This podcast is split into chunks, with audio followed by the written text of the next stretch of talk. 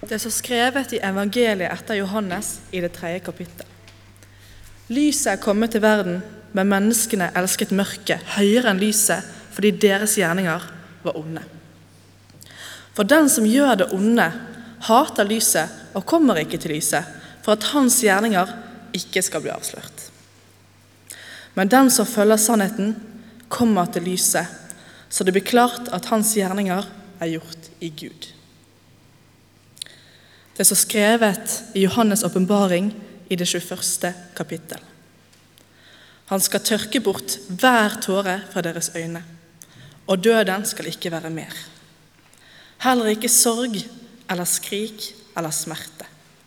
For det som en gang var, er borte. Slik lyder Herrens ord.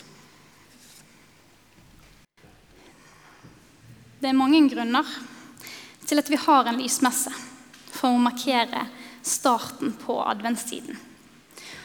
Og noe av det som gjør det ekstra virkningsfullt akkurat nå, det er det at mørketiden er over oss for fullt. Som gjør at de små lysglimtene vi får hver dag, har mye større betydning enn de hadde for bare noen måneder siden. Bare tenk på de dagene med sol vi hadde i forrige uke. Det var helt fantastisk. Vi legger mer merke til lyset fordi vi lengter etter det. Slik er mørketiden med på å forberede oss til adventstiden og til det som skjer i julen. På, på å ta imot lyset vi lengter etter i tilværelsen vår. Lyset som, som får form som et barn i en krybbe.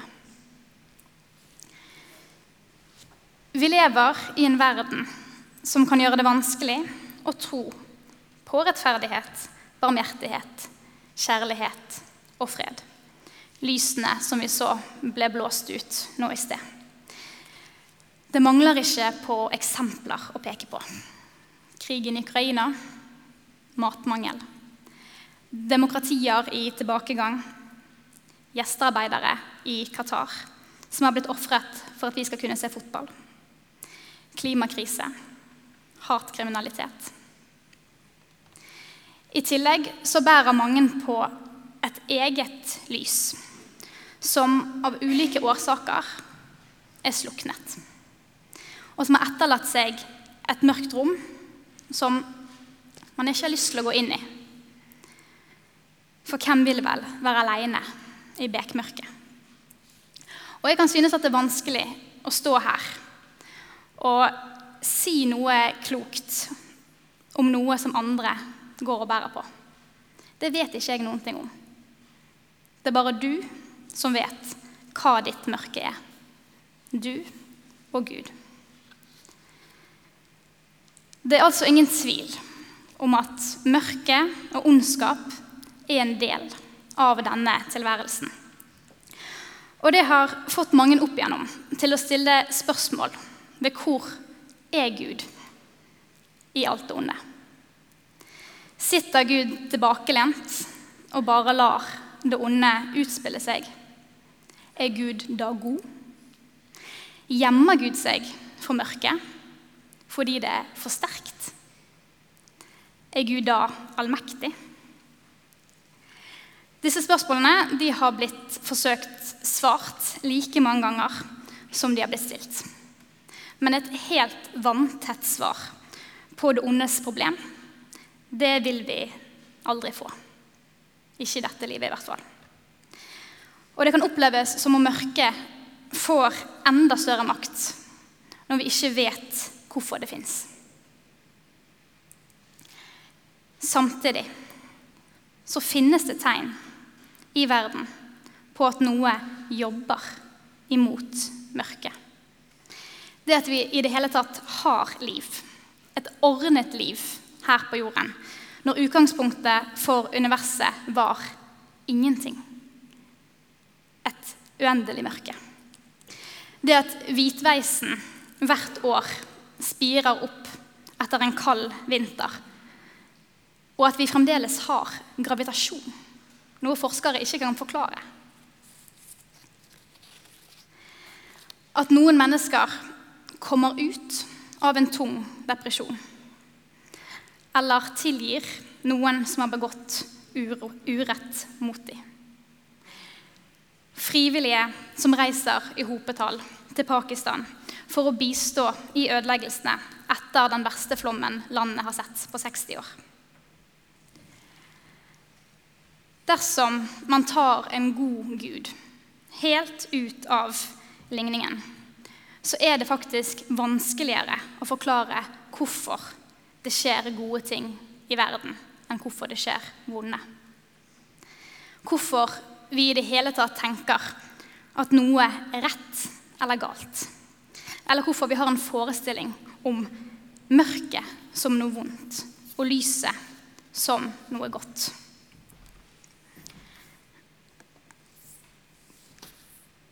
Hva hadde skjedd om du hadde gått inn i et helt mørkt rom og så tent ett lys?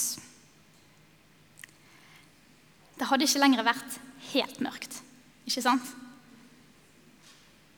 Mørket hadde ikke hatt all makten i det rommet lenger. Og det er dette som skjer på julaften. Gud sender ett lys. Og på samme måte som ved verdens skapelse, da Gud sa 'la det bli lys', så blir verden lysere når Jesus blir født. Det sanne lys som lyser for hvert menneske, kom nå til verden. Hørte vi det ble lest i Johannesevangeliet i starten av gudstjenesten. I Jesus så får vi se hvordan en verden hvor lyset er sterkere enn mørket, ser ut. Hvor de som opplever undertrykkelse, å miste noen de er glad i, og kjempe mot destruktive krefter i seg selv, blir løftet opp og satt fri. Jesus bringer også med seg et håp om at verden en dag vil være uten noe mørke. Han skal tørke bort hver tåre fra deres øyne, og døden skal ikke være mer. Heller ikke sorg eller skrik eller smerte, så det skrevet i Johannes' åpenbaring.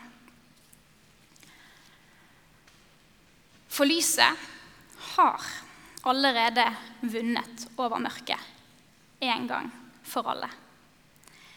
Det er det som skjer i påsken. Men så langt er vi ikke kommet ennå. Håpet er fremdeles i magen på en fattig ung kvinne som har en lang ferd foran seg til en by hvor ingen vil ta imot, vil ta imot dem. Men vi vet at snart vil noen gjetere på marken få besøk av et englekor. Noen vise menn vil følge etter en stjerne de håper skal lede dem til noe de har ventet på. Og budskapet deres kan oppsummeres i et kort dikt skrevet av Helge Torvund, som taler både til all verdens mørke og til ditt personlige og innerste mørke. Lyset du trenger, fins.